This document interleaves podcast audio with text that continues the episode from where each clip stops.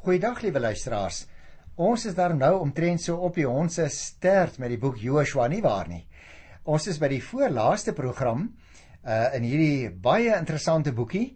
Uh Joshua wat 24 hoofstukke het en julle sal onthou, hy bestaan uit twee groot hoofdele, 12 hoofstukke in die een deel, 12 in die ander deel. En ons is besig met die laaste stukkie van die derde kwart. Met ander woorde, dan gaan ons nog net die laaste gedeelte hoef te doen volgende keer. Ek wil dadelik begin by Joshua, die 19de hoofstuk. Dit gaan nog steeds oor die grondgebied wat verdeel word tussen die verskillende stamme. Nou as 'n mens nou kyk vir mense wat nou dalk vir die eerste keer inskakel vandag na al die name van konings wat genoem word, al die plekke, dan moet ons onthou dat baie van daardie plekke is nie meer vandag vir ons identifiseerbaar nie. Met ander woorde, ons weet nie presies waar al daardie plekke was nie en daarom dink ek ons hoef ook nou nie ons koppe te veel daaroor te breek nie. Ek gaan dus net hier veral in die 19de hoofstuk net die breë lyne trek. Joshua 19 sal jy sien vers 1 tot by vers 9.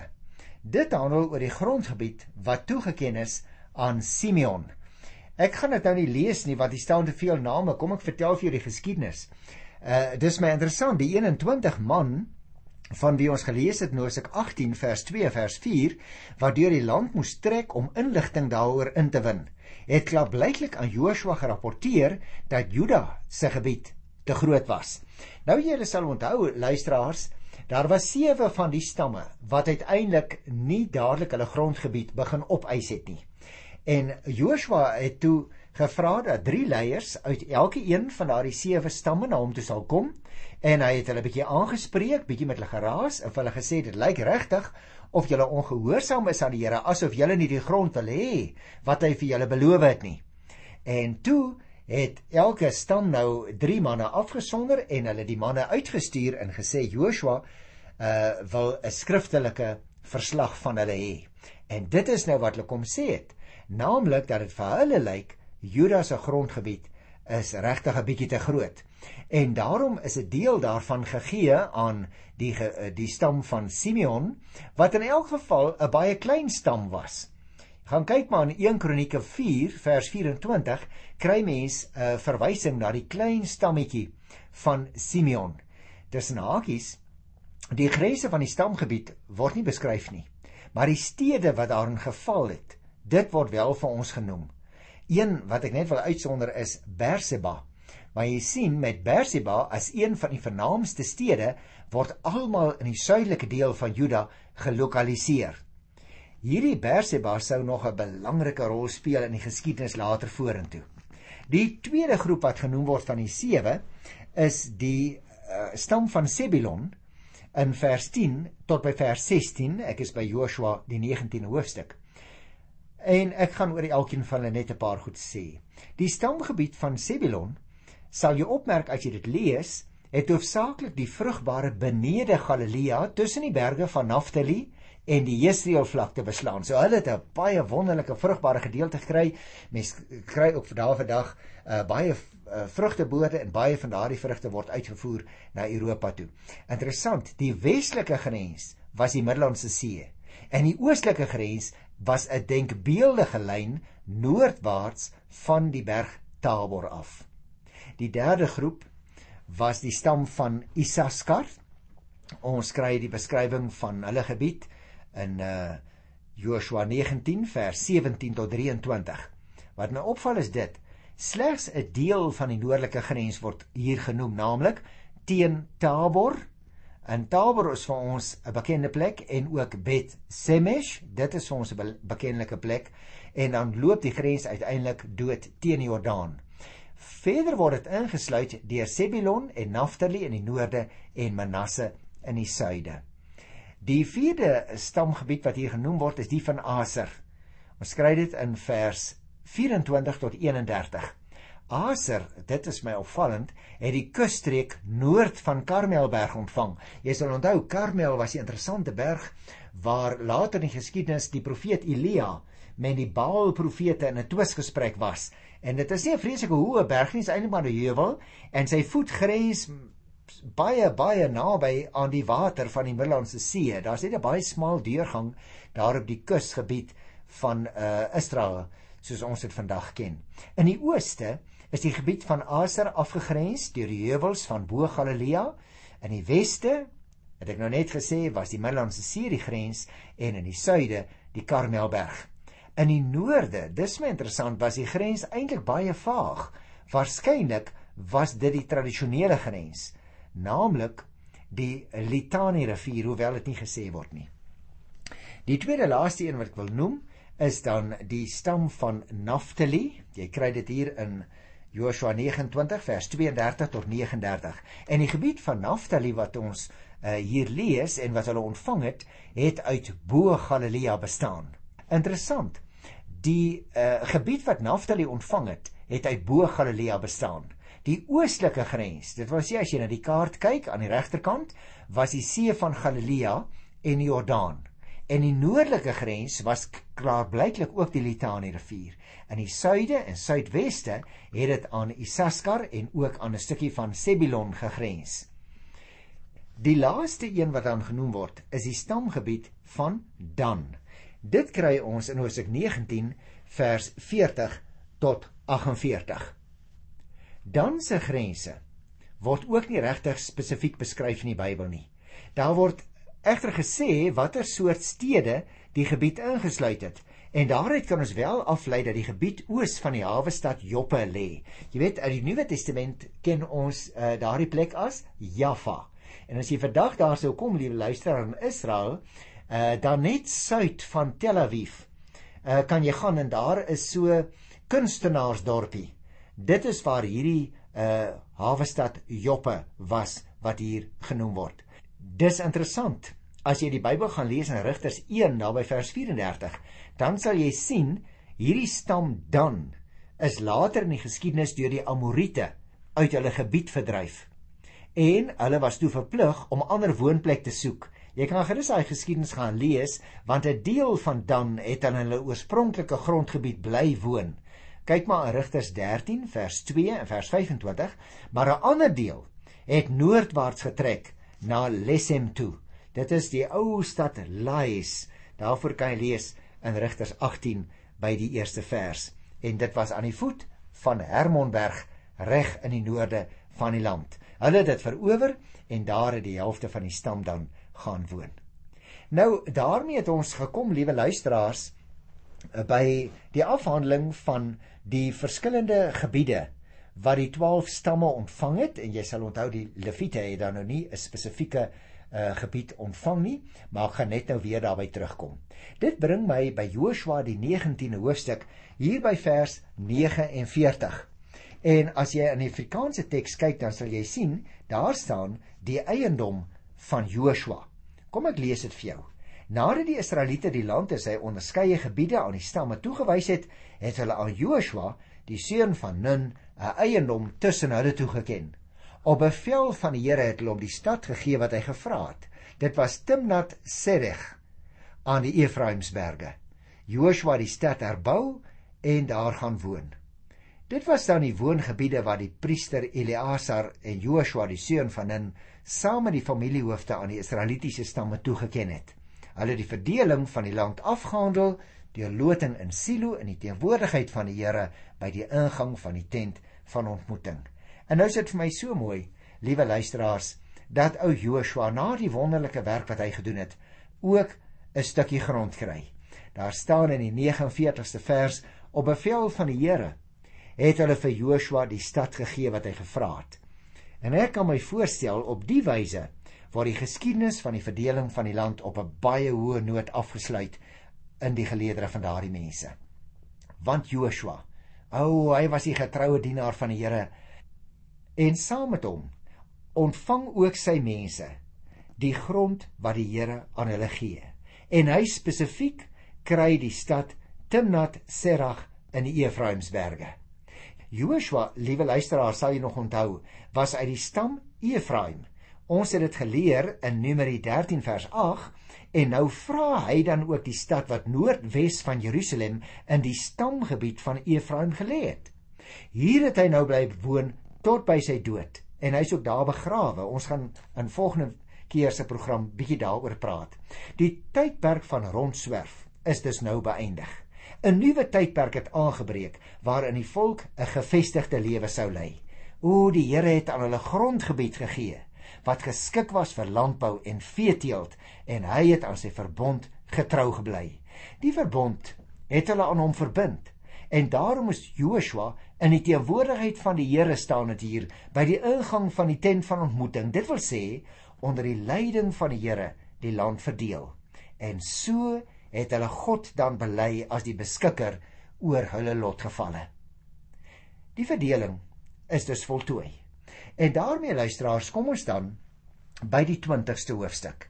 En jy sal sien in die Afrikaanse teks staan daar bo aan die asielstede. En daaroor wil ek graag so 'n bietjie met jou gesels, want dit is belangrik dat ons nou sal weet presies wat hierdie asielstede was. En uh die Bybel gee vir ons nie altyd vreeslik baie inligting daaroor nie, maar dit wat ons het is in elk geval vir ons genoeg om 'n baie goeie indruk te kry daarvan. Kom ons lees so 'n stukkie hier by die 20ste hoofstuk uit die boek Joshua. Die Here het vir Joshua gesê: "Sê vir die Israeliete: Julle moet die asielstede afstaan wat ek julle deur Moses beveel het, sodat iemand wat onopsetlik en sonder voorbedagte rade die dood van 'n ander veroorsaak het, daarin kan vlug om aan die wraak van 'n bloedverwant van die oorledene te ontkom." Nou dit is vir ons interessant, liewe luisteraars, want hierdie hele saak van die asielstede word in hierdie hoofstuk beskrywe en dit gaan ook uiteindelik oor na die 21ste hoofstuk. Maar kom ek praat eers net hieroor. Jy sien, nadat die Here vir Moses die grens van die land wat hy aan Israel sou gee beloof het en wat beskrywe is in Numeri 34 vers 1 tot 12 en nadat die Here ook opdrag gegee het dat daardie gebied tussen die stamme verdeel moes word, het hy ook opdrag gegee dat daar stede as woonplekke aan die leviete gegee moet word. Jy kan daardie stuk geskiedenis gaan lees in Numeri 35 se eerste 8 verse. En ook belangrik dat daar asielstede aangewys moet word. Mense kry dit in Numeri 35 van die 9de vers af. Nou sit Joshua weer eens die werk van Moses voort en hy stel sowel die asielstede vas as stede wat dan as woonplek vir leviete moet dien. Nou wat hier vir my baie opvallend is, liewe luisteraars, is dat die asielstede te gelyk ook stede is wat aan die leviete toegewy is. Hulle is in beheer van daardie stede en moet die asiel aan mense wat daarin vlug toestaan. Met ander woorde, ek dink ons moet dit duidelik raak sien, die asielstede het reg oor die land voorgekom. Dit word toegeken aan die leviete. Ons kan dus sê dat dit in 'n sekere sin ook die leviete stede was. Mense verwys soms dan ook so daarna. En die ses asielstede is dan baie eweredig deur die hele grondgebied van Israel versprei en die ander Lewiete stede kom ewenigs versprei voor deur die hele land. Dit beteken dat die Lewiete deur die hele land aanwesig is en dat die Here deur hulle oral sy woord kan laat verkondig en hom laat dien. Jy sien, deur die Here se dienaars wil hy die Here die hele gemeenskap bereik en elke lid van die volk laat oproep tot 'n lewe van reg en geregtigheid soos hy die Here dit wil hê. En so, so was die asielstede dus daar om onreg te voorkom, veral in gevalle waar mense bloedwraak wou neem. Nou, as 'n mens iemand per ongeluk doodgemaak in daardie tyd, dan kon jy na so 'n asielstad toe gevlug het en daar kon jy dan woon waar jy verseker kon wees van 'n regverdige verhoor. Die leviete het dus hierdie asielstede beheer sodat hulle kon sorg dat God se beginsels van geregtigheid en regverdigheid daartoe gepas sou word. So kon 'n samelewing tot stand kom waar God se woord aan die voorvaders tot konkrete vervulling gekom het. Die Here se wil kon beslag vind in die alledaagse werklikheid van sy volk se lewe sy maatstawwe vir wat reg is en sy eis vir barmhartigheid bepaal per slot van sake die patroon van sy volk wat in die land kom woon het wat hy aan hulle gegee het deur die leviete die dienaars van sy woord lei die Here dus sy volk dag vir dag en bring hy vir hulle rus en bring hy ook vir hulle bestendigheid Hy lei hulle op die mees uitnemende pad wat daar is, 'n lewe saam met God. 'n Lewe voor God elke dag, oral. Ek sou wou vra in ons tyd, vir hoeveel van ons liewe luisteraars, is dit ook nog waar van ons lewenspad elke dag? Elke oomblik, in selfs die kleinste dingetjies. Luister ons na die Here. Doen ons wat die Here van ons verwag of volg ons maar sommer net ons eie koppe.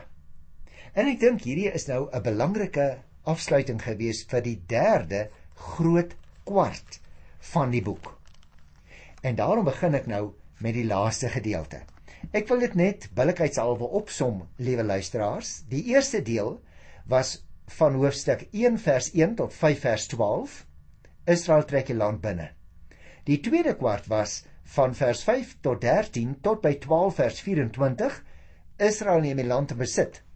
Nou is ons klaar met die derde kwart wat dan gehandel het oor die verdeling van Hosea 13 vers 1 tot aan die einde van 21 vers 45.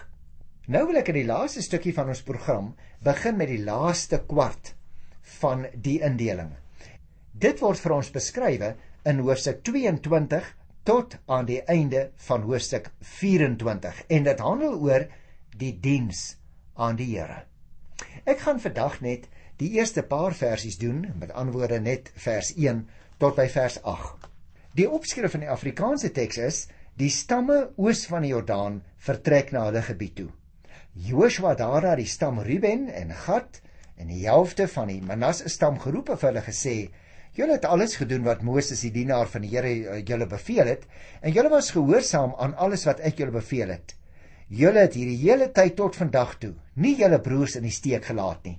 Nou luisteraars, ek vertel sommer vir julle die geskiedenis. Julle sal nog onthou hierdie 2 en 'n halwe stamme het grondgebied gekry aan die ooste kant van die Jordaan. Maar het hulle destyds onderneem al, hulle sal saamhelp om die beloofde land in te neem. En dan wanneer almal hulle grondgebied gekry het, dan sal hulle teruggaan en dan sal hulle eers werklik gaan woon in die gebied wat aan hulle toegesê is. Die voorwaarde sal jy onthou waarop die stamme Ruben en Gad in die helfte van die stam van Manasse reeds vroeër grond aan die ooste kant van die Jordaan kon ontvang was dat hulle eers hulle ooreenkoms sou nakom om die ander te help. En eers wanneer die westelike gebiede ook verower was, dan kon hulle terugkeer na hulle eie gebied. Jy kan daardie onderneming gaan lees in Numeri 32 van vers 1 tot aan die einde van die hoofstuk.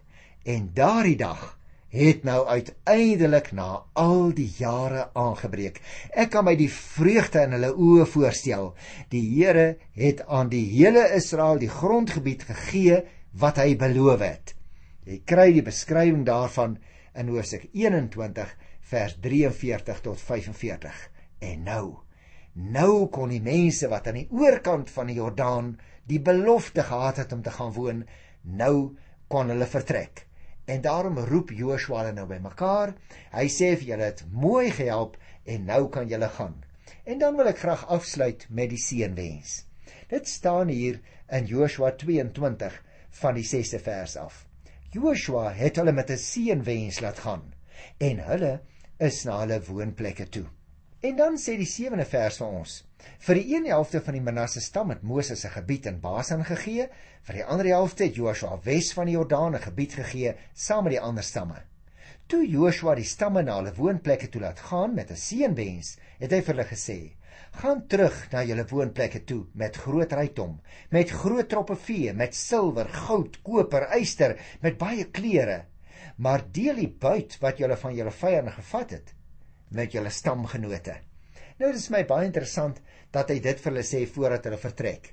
Jy sien, liewe luisteraar, Joshua groet nou hierdie vertrekkende stamme met 'n seënbede waarin hy opdrag gee dat hulle die buit wat hulle uit die Wes-Jordaan van die vyand verower het, moet saamneem en met hulle stamgenote moes gaan deel. Jy sien, hierdie buite bestaan uit vee en silwer en goud en koper en yster en klere. Baie interessant. Jy moet onthou op hierdie stadium kon hulle self nog nie hierdie metale verwerk nie.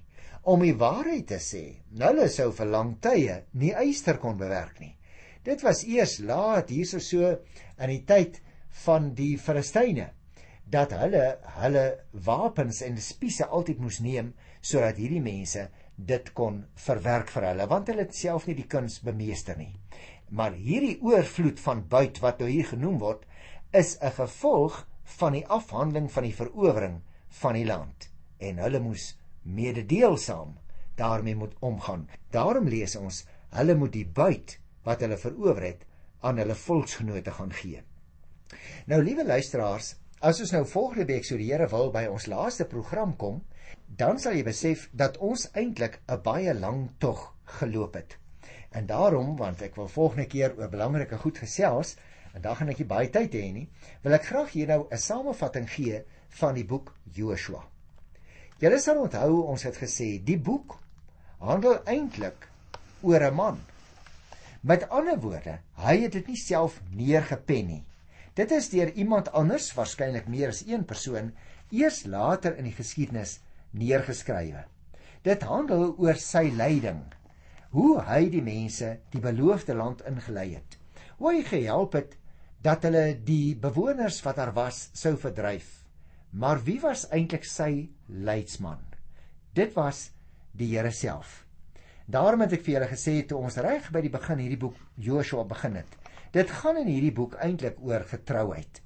En nou het ons vandag weer eens gesien hoe getrou die Here was. Eerstens is in die boek uitgebeeld hoe Joshua getrou gebly het aan die Here, gehoorsaam was om sy opdragte uit te voer. Die Here het die leierskap van Moses oorgedra op Joshua en hy moes nou die take wat die Here aan Moses opgedra het, verder uitvoer en uiteindelik voltooi. En in die proses het hy hom nie self net as 'n volwaardige, goeie, sterk opvolger bewys nie, maar ook as iemand wat in alle opsigte die gelyke van Moses was. Joshua het die krag vir sy taak in sy gehoorsaamheid en die innige verbintenis met die Here gevind. Hy en sy huis het die Here gedien. Ons het dit herhaalde kere gelees. Die getuigskrif wat hy aan die einde van sy lewe sou ontvang, was dat Israel deur sy toedoen die Here bly dien het dwarsteer sy tydperk as hulle leier. En toe het ons ook gesien hoe dat die boek 'n dringende oproep doen op jou en my as gelowiges ook om aan die Here gehoorsaam te wees. Dat ons sal doen wat die Here van ons verwag. En in hierdie geloofsalliansie wil ek amper sê, waar jy en ek aan die een kant en die Here aan die ander kant, ons vertrou in hom stel, kan ons met moed ons dagtaak deurvoer. Ek hoop dan, liewe luisteraar, dat jy weer inskakel volgende keer sodat jy die laaste stukkie van hierdie wonderlike reis deur die boek Joshua saam met my sal kan geniet. Tot volgende keer. Totsiens.